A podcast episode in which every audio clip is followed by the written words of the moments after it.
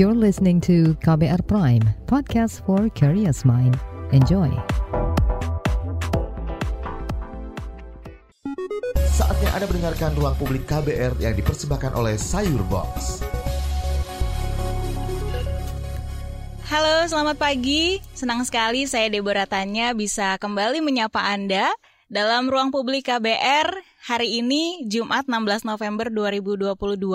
Ruang publik hari ini dipersembahkan oleh Sayur Box dan kita akan membahas tema yang sangat menarik pagi hari ini, laki wajib bisa masak. Wah, untuk laki-laki di luar sana ataupun ibu-ibu ya bisa mendengarkan kami supaya bisa mensupport nih laki-laki yang ada di rumah, anaknya kah atau suaminya kah untuk bisa masak.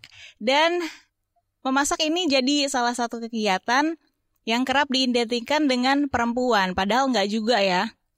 Kegiatan memasak ini sama sekali nggak mengenal yang namanya gender dan bisa dilakukan oleh siapa saja termasuk kaum laki-laki.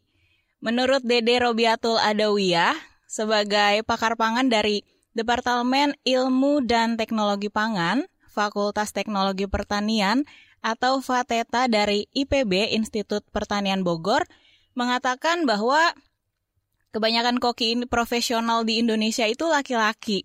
Bukan dikarenakan koki laki-laki itu lebih kompeten, melainkan karena tingkat konsistensi sensorik alias mampu mendeteksi, membedakan, dan konsisten memberi kualitas sama dari satu produk yang dimiliki oleh koki laki-laki, dikatakan ini lebih konsisten karena tidak dipengaruhi oleh siklus metabolisme.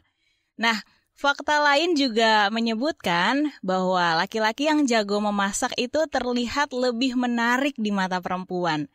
Fakta ini dibuktikan oleh studi yang dilakukan oleh perusahaan peralatan masak asal Australia, Sunbeam, yang menyebutkan sekitar 57,5 persen perempuan merasa lebih terangsang ketika lihat pria yang sedang membuat secangkir kopi dan mengaduk kue ketimbang mereka bekerja menggunakan bor listrik atau menggergaji yang hanya menunjukkan angka sekitar 55 persen saja.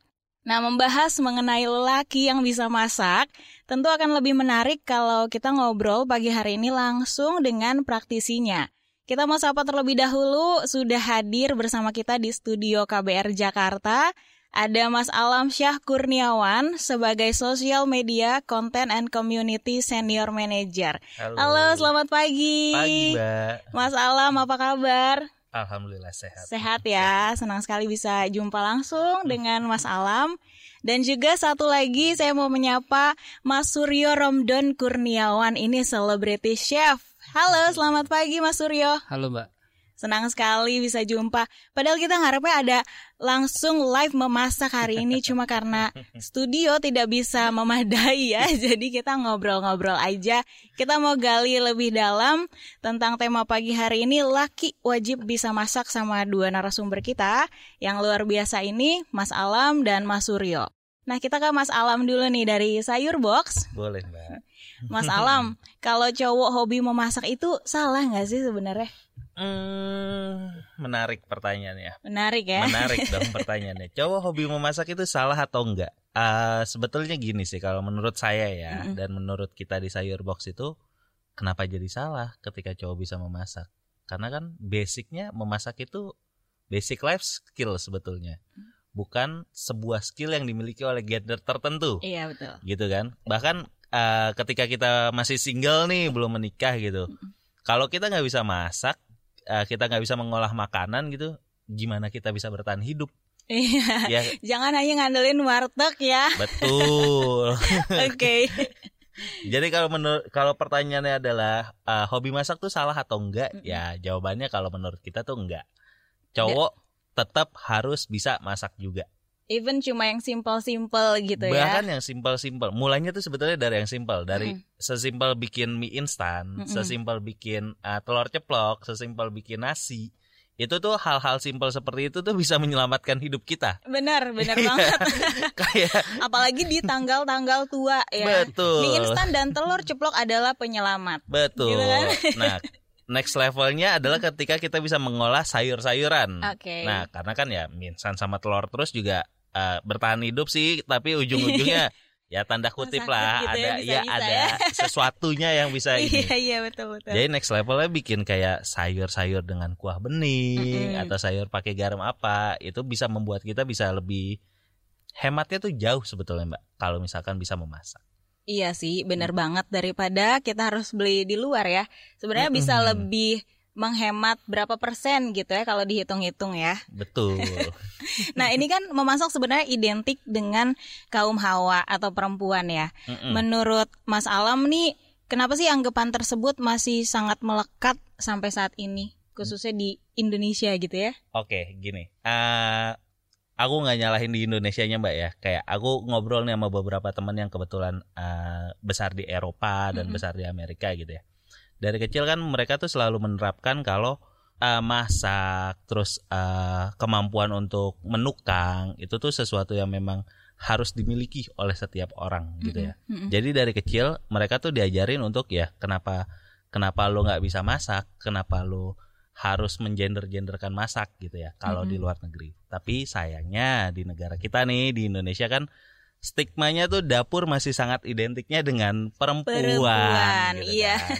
Stigmanya tuh masih seperti itu. Padahal saya nih sebagai eh, laki-laki pun ketika masuk ke dapur, ini saya bukan chef ya. Eh, Nanti kalau chef beda lagi ya point of view-nya ya ketika masuk ke dapur terus kita mulai uh, eksperimen untuk masak dapat resep nih kayak oh cara bikin spaghetti aglio olio misalkan yang biasa kita beli di restoran gitu Iya ya betul. ternyata oh se semenyenangkan itu walaupun rasanya mungkin di percobaan pertama agak berantakan Wajar lah ya, Wajar. namanya juga first trial ya. betul Uh-uh. nah kenapa sih di Indonesia itu anggapannya masih seperti itu karena balik lagi ke yang tadi stigma di masyarakat kita itu masih sangat melekatkan dapur dengan perempuan Mm-mm.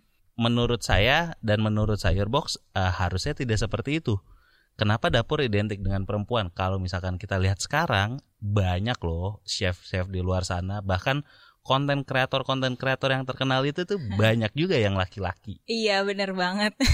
kalau dibilang ngelihat cowok masak itu sebenarnya lebih menarik ya kalau dari point of view-nya perempuan ya daripada perempuan ya sama aja gitu kan. Memang ya udah istilahnya kayak itu kewajibannya gitu ya. Betul. Oke kita mau ke Chef Suryo dulu nih. Chef Suryo bisa diceritakan sejak kapan sih chef ini mulai tertarik sama dunia masak memasak nih? Sebenarnya kalau dari kapannya persisnya sih aku nggak nggak inget ya. Gak inget banget ya. Cuman yang aku ingat itu dulu aku dibesarkan dengan tontonan itu seperti eh, memasaknya Chef Rudy, Oke. Chef Ibu Siska. Kalau masih ingat, nah aku dari kecil tuh aku udah senang nonton seperti itu. Mm-mm. Chef Bara yang masakan pastry-nya. Tapi aku lebih suka si Chef Ibu Siska ini Mm-mm. dan Chef Rudy yang selalu show masakan Nusantara dan aku tuh tumbuh besar di situ. Jadi mungkin sekitar tahun 2000-an mungkin ya. 1900-an 2000-an. Nah, itu aku ingatnya sih aku seperti itu. Oke, jadi karena tontonannya banyak kan kuliner-kuliner ya. Iya. Aku juga salah satu yang menikmati kalau Bu Siska sama Chef Rudy sedang tampil di televisi Iya. gitu ya. Karena aku sendirian di rumah yang selalu nonton itu setiap hari. Jadi besarnya tuh selain mungkin karena anak kecil dulu tontonannya kartun, tapi selain itu aku selalu nunggu setiap hari Sabtu dan Minggu untuk tontonan ya itu sih Siska dan Chef Rudy Kalau itu. anak lain nah, nontonnya kartun gitu ya. Kalau chef nontonnya masak memasak. Aku selalu emes yang tiba-tiba dari ayam mentah tiba-tiba jadi opor. Wah, aku kok bisa selezat itu di Aku selalu mikirnya seperti itu dulu waktu kecil ya. Iya. Jadi kalau misalnya udah dari kecil suka nonton acara masak-masakan, apakah ini bisa dikatakan passionnya chef? Tergantung. Jadi kalau misalnya passion itu kan kadang ada yang mentok di pekerjaan. Misalnya kita pekerjaan kita bukan di memasak, tapi kita dulu tontonin memasak, jadi passion itu terpinggirkan. Tapi misalnya kita dari awal passion ke memasak dan kita pekerjaan cuma mau mengambil yang ke masak, itu bisa diteruskan dan mungkin bisa sukses ya. Iya, paling seperti itu sih. Oke, jadi eh, sekarang kita ke Mas Alam dulu nih. Laki-laki yang hobi masak itu kan nggak jarang dapat stigma dari masyarakat dia laki-laki yang kemayu atau ada istilah cowok itu nggak pantas hobi masak. Itu kan kerjaannya cewek banget sih. Kenapa sih kalau kira-kira muncul stigma seperti itu nih Mas? nih, lihat nih Chef Suryo nih. Ini chef ya nih. Gagah banget Daripada loh. kemayunya yang kayak Nggak gini ada. coba lihat. nggak ada kemayu-kemayunya gitu. Kalau misalkan dibilang uh, stigmanya cowok memasak itu kemayu, come on lah itu udah old banget sih. Udah oldies banget sih stigma kayak gitu. Kenapa uh, bisa muncul kayak gitu? Mungkin mungkin dulu itu tuh jadi sebuah pembelaan dari kaum yang tidak bisa memasak. Untuk membuat Oke. untuk membuat memasak itu jadi eh gue nggak bisa masak nih dan gue nggak mau masak. Itu dijadiin pembelaan sehingga menyerang laki-laki yang justru bisa dan hobi memasak. Iya. kenapa? Bisa jadi, bisa jadi. dengan sebutan kemayu itu sehingga laki-laki yang ah, tanda kutip maskulin itu bisa bisa membentengi dirinya mereka untuk ah gue nggak mau masak gitu. Kenapa gue yang Nah, Kenapa harus gue gitu kenapa ya? harus gua gitu kan? Tapi itu tuh old banget. Kalau misalkan kita lihat zaman sekarang kalau misalkan kalian uh, berumah tangga dan kalian mengagendakan untuk memasak di rumah atau punya dapur nih di rumahnya nih terus ganti-gantian masaknya itu tuh sepengalaman saya sih. Itu tuh lebih intimate-nya tuh lebih dapet Oke. intimate-nya lebih dapet, terus suasana cair di rumah juga lebih dapet dan yang nggak dipungkiri ya, um, baik yang suami ataupun yang istri kan ada momen-momen bad day juga tuh. Iya, pasti Nah, sih ya. ketika momen bad day-nya terus kita sebagai pasangannya tuh yang mengambil alih untuk ya udah uh, aku yang masak deh hari ini. Kayak ada treatnya ya. Kayak ada treatnya tuh jadi dulu. jadi lebih warm gitu loh Iya, hubungan rumah benar-benar. tangga tuh. Oke, jadi ya yang namanya stigma cowok itu nggak bisa masak, cowok yang masak itu adalah kemayu itu kita sudah patahkan sebenarnya ya Betul. dengan hadirnya Chef Suryo pagi hari ini di studio KBR. Kalau anda lihat pendengar Chef Suryo aslinya itu maco banget ya, catet. Baik kita ke Chef Suryo lagi nih. Kalau Chef Suryo masih ingat nggak sih menu pertama kali yang Chef masak? Eh kalau nggak salah sih dulu awal-awal setelah tontonan yang tadi itu, Iya. saya sering trial tuh di nasi goreng. Wow. Awalnya kan nasi goreng tuh. yang saya cuma tahu nasi pakai telur ditumis. Ternyata tuh ada beberapa yang miss di situ setelah beberapa kali. Kok ini nasinya pas digoreng rasanya lembek, kok basah, kok begini beda sama yang biasanya. Ternyata kan ada beberapa poin di situ yang saya miss. Oke. Baru tahu tuh setelah beberapa kali tontonan ada kan biasa kalau selingan di tips-tips nonton itu ada beberapa tips masakan misalnya nasinya tuh harus nasi yang perak pertama Iya. mungkin gitu ya. Heeh. Terus kedua pastikan nasinya tidak panas. Wah dari situ saya sering nonton jadi akhirnya oh ternyata di sini salahnya oh ternyata di sini salahnya. Kalau yang lokal sih itu ya. Cuma Oke. setelah beberapa kali saya bekerja dan akhirnya beneran bekerja di bidang perhotelan di hotel, saya tuh yang paling inget saya masak tuh salmon asparagus. Waduh. Westernnya itu. Jadi Dengar kata salmon disisir asparagusnya dengan aja sayuran udah, hmm. asparagus tumis dengan mashed potato.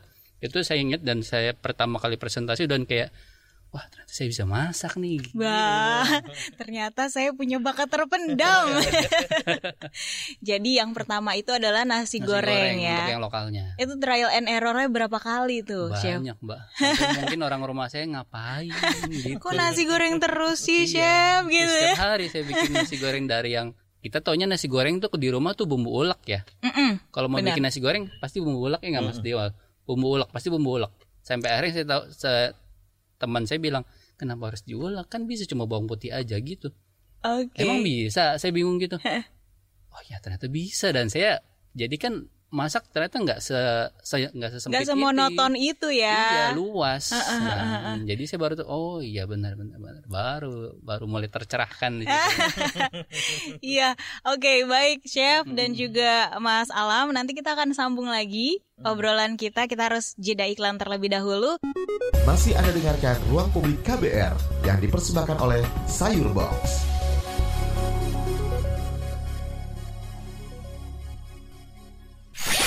Commercial break.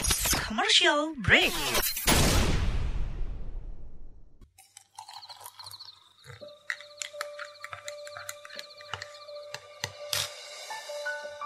Hai, kamu apa kabar?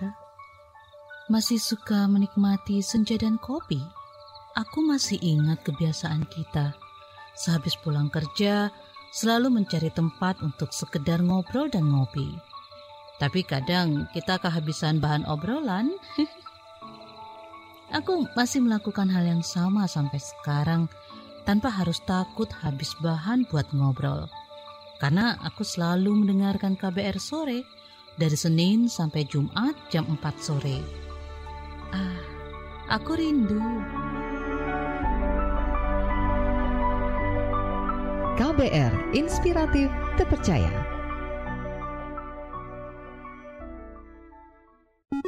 Masih Anda dengarkan Ruang Publik KBR yang dipersembahkan oleh Sayur Box.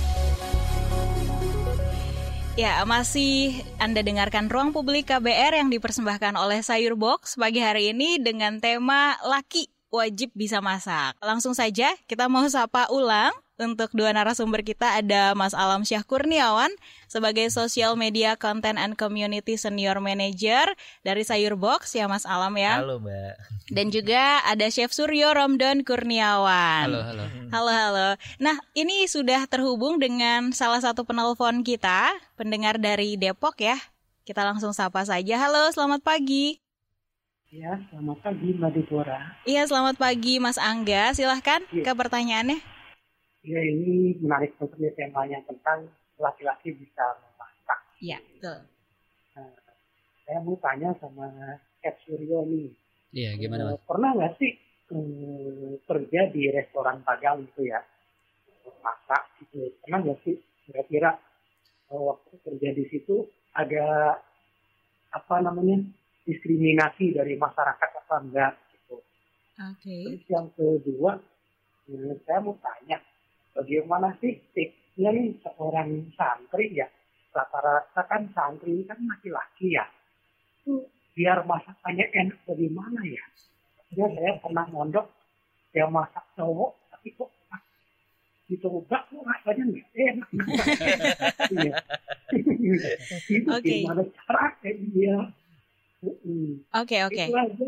Itu Terima kasih. Ya, terima kasih Mas Angga dari Depok. Langsung saja ke Chef ya untuk pertanyaan dari Mas Angga ini. Oke, untuk yang pertama bertanya kan pernah tidak kerja di restoran Padang? Kalau untuk kerja di restoran Padangnya sih belum pernah. Hmm, belum pernah. Tapi saya pernah kerja di hotel yang mereka itu concern di masakan lokal seperti misalnya eh, yang mirip-mirip restoran Padang itu ada rendangnya, Mm-mm. ya.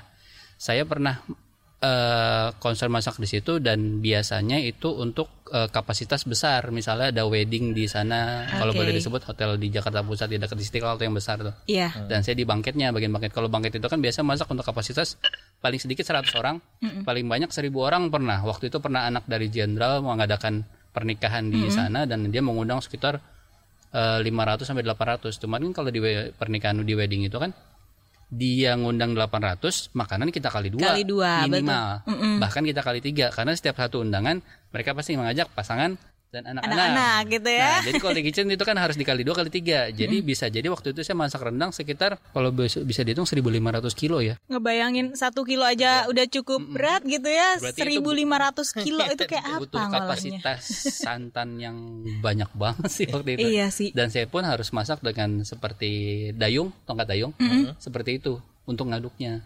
Dan itu cukup melelahkan tapi menyenangkan. Nah, mungkin itu pertanyaan pertama pernah nggak restoran Padang belum pernah sih, cuman untuk masakan Padangnya di situ lumayan banyak seperti rendang kan? Kali kalio bukan ya. Mungkin rendangnya itu pun setiap hari keluarnya lumayan. Jadi mungkin itu sih kalau untuk pertanyaan pertama untuk diskriminasi dari masyarakat sejauh ini sih belum. Bukan diskriminasi ya mungkin agak keheranan aja. Eh, kerja di mana? Misalnya misalnya gitu. Iya. di hotel di bagian apa? Masak masak emang mau jadi apa gitu Ya masak gitu ya. Iya, bukan diskriminasi sih sebenarnya lebih keheranan kebingungan gitu ya mungkin ya kayaknya sih itu deh Oke. Nah, untuk selanjutnya nih si Bapak Angga kayaknya pernah di pesantren gitu ya. Terus dimasakin sama santri, ternyata rasanya kurang sedap. Iya. Mungkin ini bisa diakalin pertama dia harus le- lebih sering nonton-nonton channel masak ya pertama. Kedua jangan pernah berhenti buat nyobain sesuatu yang baru misalnya dia bumbunya itu-itu aja. Mungkin bisa diganti dari bumbunya. Yang penting tuh kalau masak tuh jangan minder, jangan takut, jangan pernah ragu-ragu buat ini garamnya kebanyakan apa kurang ya? Ini bumbunya kebanyakan atau kurang. Jangan pernah takut kayak gitu. Justru kalau ragu-ragu pasti akan gagal terus. Tapi kalau Oke. kita sekali gagal, oh ternyata ini garamnya kelebihan. Jadi kita harus kurangin. Nah, di situ kita ada ada filter buat memperbaiki masakan ke depannya. Jadi jangan cuma sekedar masak, kita juga harus dengar saran dari yang nyobain makanan kitanya. Mungkin seperti itu. Jadi biar lebih Iya. berkembang teknik masaknya ya. Nah, itu aja sih paling dari saya. Oke, itu tadi ya Pak Angga. Semoga menjawab segala kegundah gulanannya Pak Angga tentang masak memasak. Oke, selanjutnya kita ada penelpon lagi. Ini dengan Sarah di Jakarta. Halo, selamat pagi. Halo pagi Mbak Deborah. Iya, Sarah, silakan ke pertanyaannya.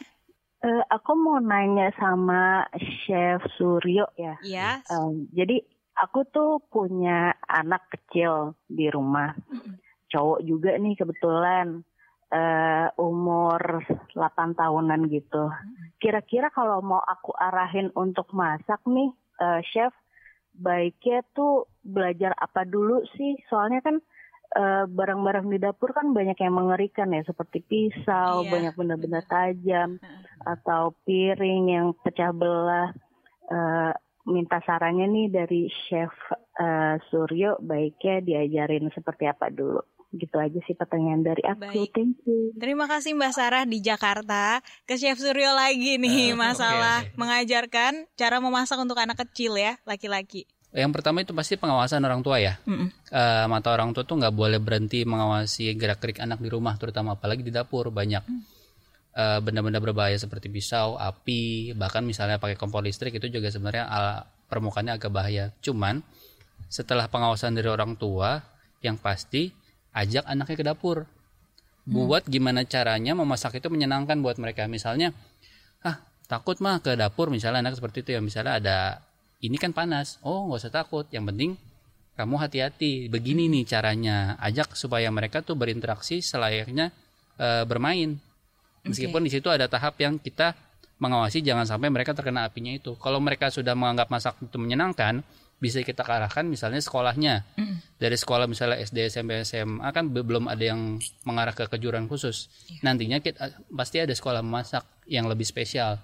Dan mereka bisa mengambil eh, teknik khususnya itu di sana. Seperti itu sih paling. Yang Oke. penting dari awal gimana caranya kita main mindset anak kita untuk memasak itu menyenangkan bukan mengerikan apalagi membahayakan kan. Paling seperti itu sih Iya benar. Dikasih pengertian ya bunda-bunda di rumah atau bapak-bapak yang mau ngajarin anak-anak kecilnya buat tahu memasak gitu ya. Sama jangan lupa dikasih tontonan juga Itu supaya penting. mereka ada gambaran gitu ya untuk cara-cara penggunaannya. Nah, kita ke Mas Alam nih. Kalau kita lihat media sosial sekarang kan ramai banget konten-konten memasak dan itu juga banyak juga laki-laki di dalamnya gitu ya. Ini kan tren laki bisa masak juga ditandai dengan konten-konten seperti itu di media sosial. Ini tidak hanya didominasi oleh kaum perempuan. Sebenarnya kapan sih tren konten masak ini mulai tumbuh nih, Mas Alam? Oke. Gini, Mbak. Jadi kalau tren konten masak itu sebetulnya dari dulu tuh sudah ada ya tren konten masak yang laki-laki. Tapi semakin banyak dan semakin tingginya itu sebetulnya ketika kita mulai lockdown pertama kali. Wah iya sih. Jadi momen ketika pertama lockdown uh, COVID pertama di 2020 itu seketika semua orang dibatasi aktivitasnya. Jadi cuma bisa di rumah. benar. Nah, ketika cuma bisa di rumah, ujung-ujungnya ini uh, sorry ya, ini agak-agak memori buruk juga ketika kita lockdown itu kan. Tapi kita kan sebagai manusia uh, mau bergerak dan mau mencoba sesuatu yang baru. Yes. Dan itu nggak menutup cuma gender wanita, perem- uh, laki-laki pun juga. Jadi ketika mulai lockdown itu banyak banget konten-konten yang bermunculan tentang masak karena kita nggak bisa keluar rumah tentang masak dan itu laki-laki dan ternyata konten-konten di luar sana tuh nggak melulu nggak melulu konten masak yang serius gitu ya. Iya. justru ketika di, dibumbui dengan humor dibumbui dengan laki-laki yang masih agak-agak kaku megang pisaunya itu justru lebih dikonsumsi sama audiens. Sedangkan uh, orang-orang yang belajar belajar masak ini kan laki-laki yang belajar masak ini mereka sangat aware nih kalau oh konten tuh sekarang gampang banget loh untuk dibuat dan ada possibility gue jadi terkenal Iya sih. dengan membuat konten-konten ini. Apalagi kalau ada kata-kata viral ya. Itu dia yang dicari. Orang nggak tahu isinya apa, klik aja dulu. Itu dia yang Soalnya ada dicari. viralnya gitu. Betul. Saya pun juga mencari kata viral. Sekarang banyak banget ya viral, apa-apa viral. Nah, kalau misalnya tren konten memasak ini dari awal sampai saat ini gimana sih Mas Alam ngelihatnya perkembangannya? Oke. Eh, nggak bisa dipungkiri tontonan Chef Suryo yang tadi Chef Suryo bahas ya kayak si Bu Siska. Ash, Bu Siska, Chef Rudy, Rudy. itu sebenarnya konten awal kita untuk memasak yang bisa dikonsumsi secara umum gitu ya. Iya. Terus makin ke sini, makin ke sini kita semakin banyak pilihan media nih, ada YouTube, Instagram dan lain-lain. Bahkan sekarang TikTok pun juga banyak banget konten-konten yang seperti itu. Yep. Jadi kalau misalkan kita uh, berbicara tentang kontennya kontennya itu dari awal hingga sekarang kenapa banyak diminati masyarakat? Sebetulnya gini orang menonton konten masak itu ada dua jenis. Oke. satu yang memang di save untuk kemudian dipraktekin di kemudian hari. Atau yang kedua dia menonton kemudian di save tanpa pernah dipraktekin. Kayak wah gue seru banget nih Poin ngelihat kedua adalah aku. Nah, poin kedua adalah masyarakat umum. Wah, seru banget Oke. nih ada resep bikin uh, rot uh, telur gulung daging dari Inggris gitu ya. Di save untuk kemudian di kepalanya nanti ah weekend cobain gitu kan. Kemudian di weekend punya kegiatan lain. Dan ada juga ternyata banyak loh, bukan cuma satu atau dua, banyak kenalan saya tuh yang menonton konten masak itu sebagai sebuah relaksasi. Nah, bisa jadi tuh. Jadi- Apalagi yang ada ASMR gitu-gitu ya. Betul. Bahkan ada beberapa kenalan saya tuh yang eh, kecanduan nonton konten masak untuk menjadi pengantar tidurnya dia. Wah, lucu banget. Iya, walaupun walaupun ya, ya kita sama-sama tahu ini disclaimer ya, nggak boleh main handphone sebelum tidur ya. Handphonenya harus Iya. Bisa ditaruh. benjol ya apalagi taruhnya Iya. di sini. Sambil nonton sambil nonton tiba-tiba jatuh kan ya Jeduk berbahaya. Jadi ya konten masaknya itu berkembang, berkembang sekali, bukan cuma jadi edukasi tapi juga sekarang jadi hiburan eh, dan juga jadi sebuah wishlist untuk orang-orang mencoba untuk mewujudkan. Iya betul. ya meskipun belum tahu kapan diwujudkannya ya. Betul. Paling nggak dimasuk keranjang dulu istilahnya. Betul, check outnya nggak tahu kapan. Ya, gue nggak tahu kapan. Oke baik, Eh, Chef dan juga Mas Alam kita akan lanjut lagi obrolan setelah jeda. Masih Anda dengarkan Ruang Publik KBR yang dipersembahkan oleh Sayur Box.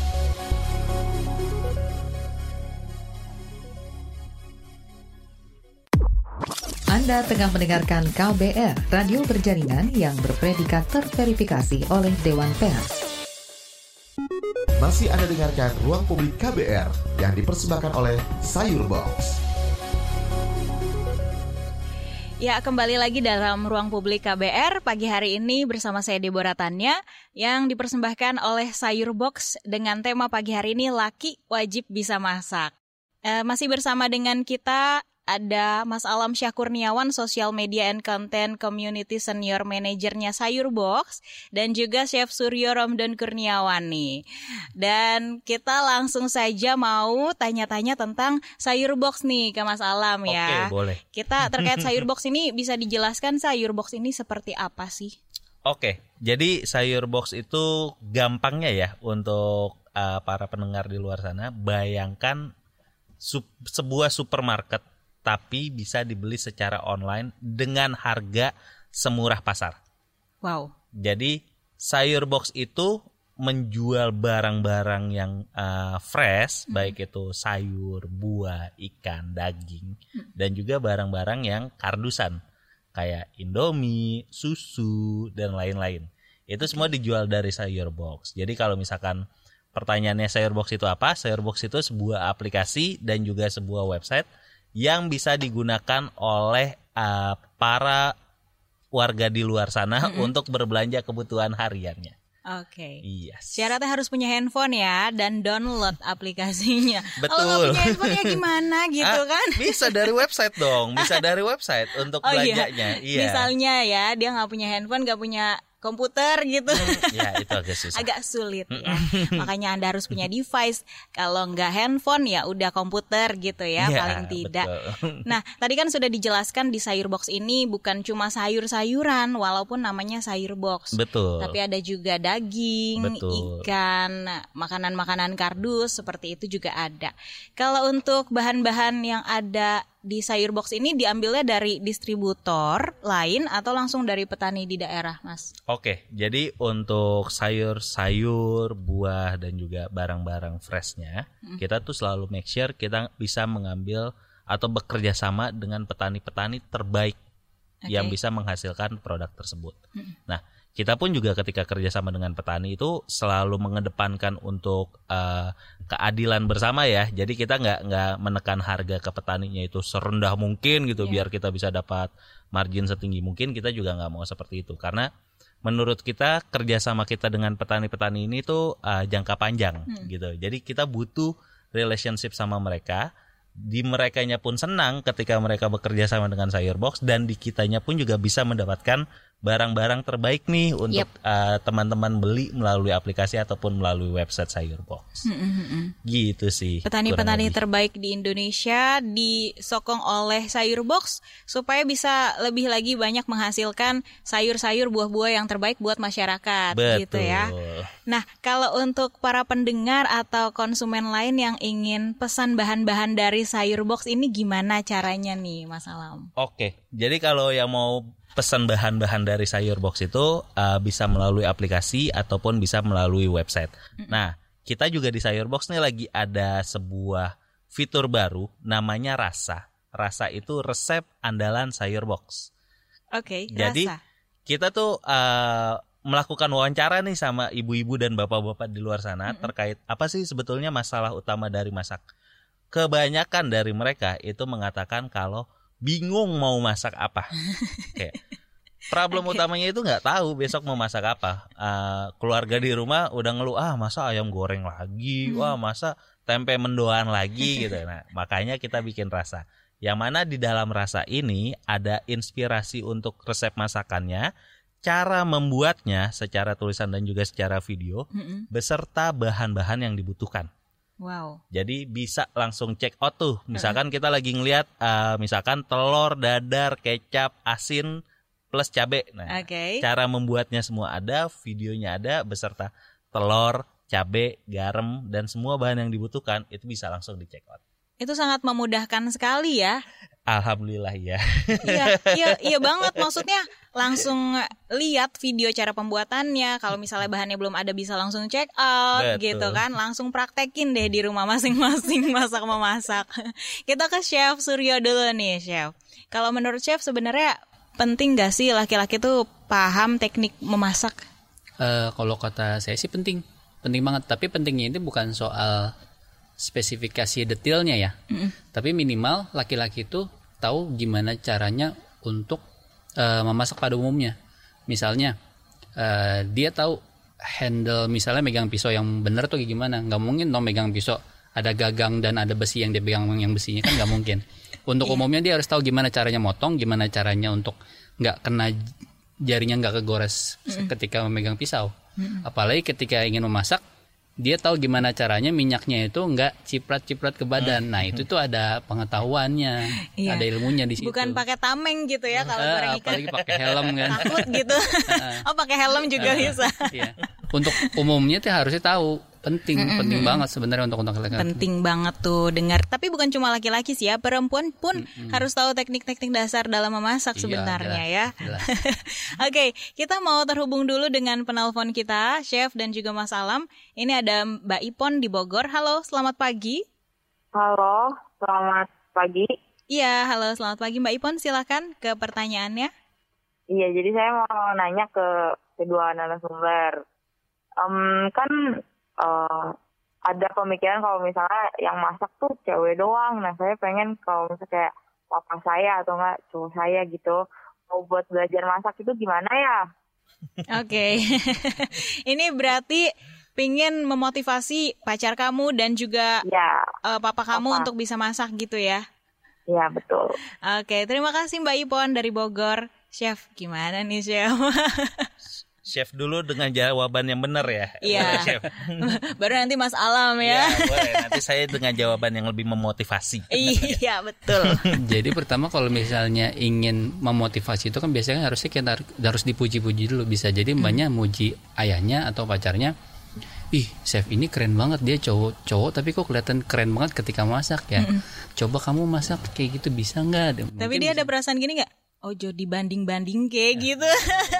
umumnya sih kalau misalnya saya sih digituin saya tuh lebih termotivasi biasanya sih mbak ya Mm-mm. dia aja bisa kenapa saya nggak bisa Oke. biasanya sih seperti itu jadi kalau misalnya dari awal sudah dimotivasi oleh pacarnya atau untuk untuk ayahnya dimotivasi seperti itu ya harusnya lebih bisa lah maksud dia bisa saya nggak bisa Mm-mm. bisa sih Mm-mm. seperti itu bisa di- dicoba dengan kita motivasi dulu Oke. yang pengen kita show untuk masak dong Mm-mm. gitu pertama paling itu jangan malah kita setelah dia masak dan kita cobain makanan yang misalnya kurang enak kita langsung komen ya nggak enak. Jangan seperti itu karena orang untuk masak nggak ada kata pertama kali sukses kayak gitu. Untuk sukses itu nggak bisa sekali masak harus ada beberapa kali. Betul. jadi kalau misalnya dia udah motivasi untuk memasak dia harus memperbaiki eh, kritiknya. Mm-mm. misalnya jangan langsung dikritik wah ini lebih enak lagi ini nih lebih enak lagi gini nih harusnya gitu jangan malah ya masakannya nggak enak jangan seperti itu Langsung ngedrop ya. Motivasi terus aja motivasi terus aja Iya betul. Dan jangan lupa trial terus. Mm-mm. Dan juga ke Mas Alam nih langsung aja. Kalau Oke. versinya Mas Alam? Kalau versi saya kan berarti uh, laki-lakinya ada dua ya, satu uh, dari ayah dan satu dari pacar, Pacar. gitu ya. Pacar yang mungkin nanti jadi suaminya. Ya, Amin. kita aminkan. kalau untuk pacar dulu nih, sebetulnya kalau untuk pacar tuh lebih mudah untuk dimotivasinya karena seperti yang kita tahu sekarang banyak banget nih konten kreator cowok yang memasak di luar sana. Itu bisa jadi salah satu motivasi. Kayak hari ini tuh uh, udah rahasia umum gak sih semua orang tuh pengen jadi konten kreator gitu, pengen jadi KOL, pengen jadi influencer.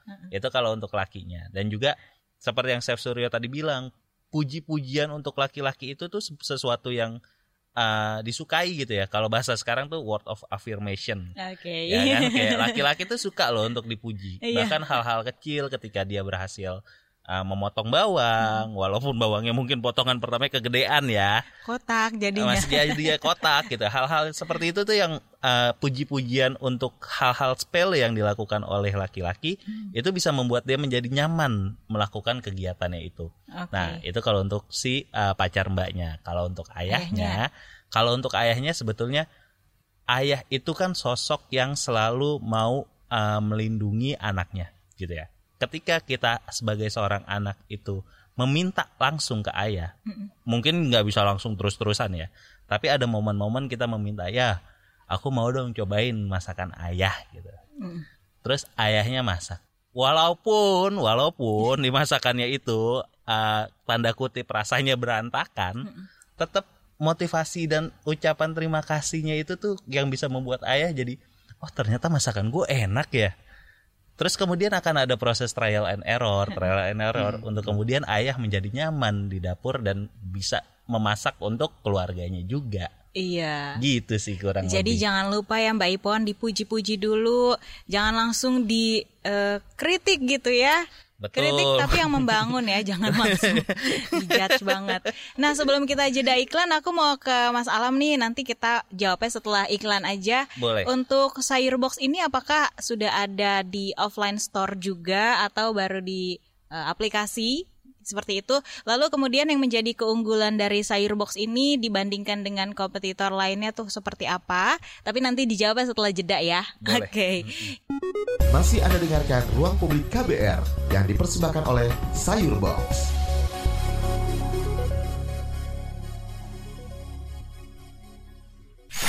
Commercial break. Commercial break.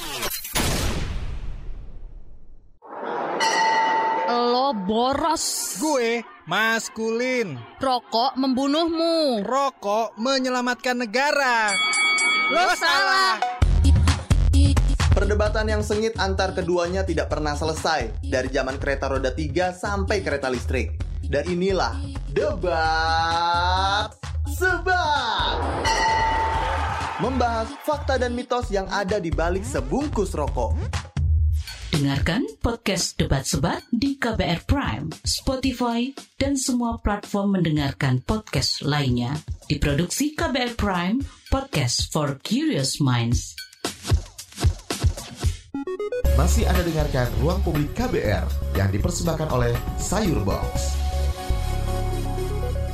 Ya, inilah bagian terakhir ruang publik KBR yang dipersembahkan oleh Sayur Box bersama saya Deborah Tanya. Masih dengan dua narasumber kita yang sudah hadir di studio. Ada Mas Alam Syah Kurniawan sebagai Social Media Content and Community Senior Managernya Sayur Box. Dan juga Mas Suryo Romdon Kurniawan ini adalah chef. Nah, kami juga mengingatkan buat Anda yang ingin mendengarkan lagi siaran ini dari awal sampai akhir, bisa mendengarkannya lewat podcast Ruang Publik di www.kbrprime.id. Pilih ruang publik. Dan langsung saja kita ke Mas Alam tadi ya. Sebelum jeda kita tanya-tanya tentang Sayur Box ini, adakah offline store-nya, terus apa yang jadi keunggulan Sayur Box? Oke. Jadi kalau untuk offline store saat ini kita masih belum ada nih, tapi doakan saja cepat ada. Dan Amin. untuk di online kita di aplikasi dan juga di website itu saat ini kita bisa melayani untuk pengiriman di Jakarta, Bogor, Depok, Tangerang, Bekasi, terus kemudian di Surabaya dan juga di Bali. Nah, untuk kota-kota lainnya doain biar cepat-cepat ada nih kita buka bisa buka untuk bantu teman-teman dan juga uh, teman-teman di kota-kota lainnya. Amin. Masyarakat hmm. Indonesia katakan amin. Amin. Ketik, ketik amin dan jangan berhenti di kamu ya. Asik. gitu. Ketik amin kirim ke 92 bla bla bla gitu. Bukan okay. ya. Nah, kemudian untuk Mas Alam nih masih untuk Mas Alam, tips yang ingin Mas Alam sampaikan kepada para lelaki di Indonesia khususnya karena kita temanya laki ya hari ini yang okay. hobi masak dan ingin buat konten di media sosialnya. Oke, okay. nyelip dulu tadi belum kejawab tuh terkait ya. sama kelebihannya sayur box. Oke, okay, silakan. Jadi cepat aja ya kelebihannya sayur box dibandingkan uh, teman-teman brand lain. Eh, yang pertama adalah sayur box itu punya garansi uang kembali. Jadi wow. kalau barang yang diterima entah karena kasus apa pun tidak sesuai dengan keinginan, mm-hmm. itu kita bisa balikinnya dalam bentuk uang. Mungkin kalau teman-teman brand lain bentuknya masih voucher gitu ya, tapi kita dalam bentuk uh, uangnya itu akan ditransfer ke pembelinya itu. Itu yang pertama. Dan yang kedua, kita punya layanan sayur kilat yang dalam hitungan jam pesanannya bisa sampai. Terus yang ketiga, pengiriman kita itu bisa dipilih slotnya. Mulai dari jam 5 pagi, itu barang kita udah bisa sampai ke depan rumah. Wow. Jadi untuk keperluan uh, nyiapin sarapan gitu ya, itu pilih slot yang jam 5 pagi, maka barangnya akan kita kirim dan bisa disiapin buat sarapan. Kalau untuk kualitas itu udah jadi sebuah keharusan buat kita, mm -mm. bukan lagi kelebihan. Okay. Itu udah mandatory. Udah wajib lah ya. Udah wajib banget kalau untuk bener. kualitas. Nah, untuk ibu-ibu yang kerja juga kalau pagi harus masak, langsung bisa gunakan aplikasi Sayur Box ini jam 5 pagi dipilihnya ya. Yes. Bisa jadi opsi. Jadi pagi-pagi udah bisa masak buat keluarga di rumah. Nah, kita langsung saja ke chef dulu nih ya, ke Chef Suryo. Kalau menurut chef ini uh, menu khusus yang jadi ciri khasnya chef tuh apa sih? Kalau menu khusus sebenarnya nggak ada, cuman gini, aku tuh lebih suka masakan Nusantara. Oke. Okay. Kenapa masakan Nusantara? Karena kalau boleh dibandingin masukan masakan Nusantara kita itu lebih banyak bumbu dan rempah-rempahnya, benar nggak? Hmm. Betul. Bahkan chef dari Inggris, chef Gordon Hell Kitchen, dia sampai belajar ke Padang untuk belajar rendang. Wow. Dan dia sampai mengimplikasikan masakan dia itu di collab sama sama rendangnya itu. Dan dia mengakui kalau masakan rendang itu tesnya itu luar biasa. Jadi aku lebih suka masakan Nusantara dibanding masakan luar ya. Hmm, hmm, hmm, itu sih paling kalau. Cintai produk-produk Indonesia hmm, dulu jelas, ya jelas, jelas. dong. Nah kita mau menyapa dulu untuk pendengar kita di YouTube. Ini ada Hamzah yang bertanya ke Sayur Box nih ada promo apa sih dari Sayur Box? Lagi ada promo apa nih Mas Alam? Waduh, banyak banget kalau kita berbicara promo ya. Yang jelas uh, sekarang kita lagi nyiapin hampers nih buat uh, momen Natal dan Tahun Baru. Okay. Itu bisa dibeli di aplikasi dan di website kita. Hmm. Terus kita juga selalu ada promo nih di aplikasi kita yang bisa teman-teman lihat nih di website ataupun di aplikasi. Jadi ada voucher diskon yang selalu ada di aplikasi, terus potongan-potongan harga dari setiap barang yang selalu ada. Okay. Dan kalau mau untuk dapat update yang paling update, saran saya sih follow sosial medianya Sayurbox karena itu selalu kita update promonya di situ. Oke. Okay. Nah, ini ada komentar tadi di YouTube dari Dodi, ini sayur kilatnya sayur box best sih. Kadang malah nggak sampai sejam. Wah. Nah, terima kasih Dodi. Terima kasih Dodi. Ini pengguna sayur box aplikasi sayur box nih berarti Betul. dia ya langsung. nah kemudian masih dari YouTube juga untuk pertanyaannya dari Daniel. Sayur box ini sudah tersebar ke mana saja? Apakah di semua kota sudah ada? Tadi sudah sempat dibahas ya. Mm-mm. Saat ini masih baru di Jabodetabek, Surabaya dan Bali. Tapi doain aja biar kita secepatnya buka di kota-kota lain di Indonesia. Amin. Amin. Sekali lagi 92 bla bla bla. Ketik amin. Ketik amin, jangan berhenti di kamu. Oke, sebelum kita closing nih, apa sih pesan dan harapannya Mas Alam eh, terkait tema kita pagi hari ini? Laki harus bisa masak. Kalau harapannya adalah eh, dapur itu bukan cuma punya wanita, dapur itu tuh sesuatu yang memang harus bisa dimaksimalkan oleh baik itu wanita ataupun laki-laki gitu ya. Yes. Jadi kalau harapan saya ke depannya eh, banyak laki-laki yang bisa memasak dan eh, bisa mengkreasikan tangannya untuk bikin masakan-masakan di luar sana. Harapannya sih gitu. Jadi bukan cuma wanita, stigma wanita doang yang memasak itu bisa hilang, syukur-syukur hilang dari Indonesia. Jadi nggak ada lagi masak tuh harus cewek gitu. Mm-mm, Kenapa mm-mm. masak harus cewek? Kalau cowok juga perlu untuk masak gitu. Toh kita kebutuhan kita bersama kok untuk bertahan hidup. Iya, betul. Nah, untuk sayur box sendiri, cara mudahnya seperti apa sih untuk eh, konsumen menjangkaunya? Maksudnya? Kalau misalnya kita mau punya aplikasi sayur box, cara-cara gampangnya seperti apa? Oke, jadi kalau misalkan di uh, handphone kalian, baik itu di Android ataupun di iPhone, uh, teman-teman tinggal download nih aplikasi, search aja namanya Sayur Box, kemudian nanti di download di dalam handphonenya, terus bikin uh, akunnya, terus Akun. masukin alamat dan nanti uh, bisa langsung pesan di situ untuk dikirim ke depan rumahnya langsung. Oke. Dan kita gratis ongkir. Wah, itu sih penting gratis ongkir ya. Oke, nah ke Chef nih, langsung ke Chef Suryo. Apa sih tips dan pesan yang ingin Chef sampaikan buat para lelaki Indonesia yang mau menekuni proses, profesi sebagai chef atau koki?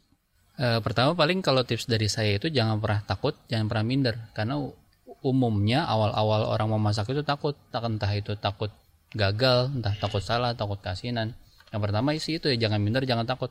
Misalnya step itu sudah dilampaui, contoh misalnya dia jangan pernah puas sama ilmu masak yang dia punya karena ilmu masak itu luas ya. Jadi bukan cuma sekedar kukus dan goreng, tapi banyak ada bracing, ada stewing, ada searing seperti itu. Jadi jangan pernah puas. Misalnya pun dia harus memasak, cari sebanyak-banyak ilmu tentang masak. Mm-mm. Nggak akan pernah berhenti. Iya, banyak sekali sebenarnya kalau mau mencari tahu gitu Mm. ya untuk trik-trik memasak atau tadi apa tipe-tipe cara Potongan. memasak ya, Ah, cara tipe-tipe masak. potongan segala macam. Baik untuk eh, Mas Alam Syakurniawan dari Sayur Box, terima kasih sekali sudah Terima hadir kasih. dan juga terima kasih untuk Chef Suryo Terima yang kasih, sudah hadir bersama-sama kita langsung ke studio KBR. Eh, dan karena waktu kita terbatas, Deborah harus undur diri dan mengakhiri perbincangan kali ini. Terima kasih untuk kebersamaan Anda. Saya undur diri, salam. Baru saja Anda mendengarkan Ruang Publik KBR yang dipersembahkan oleh Sayur Box. KBR Prime, cara asik mendengar berita. KBR Prime, podcast for curious mind.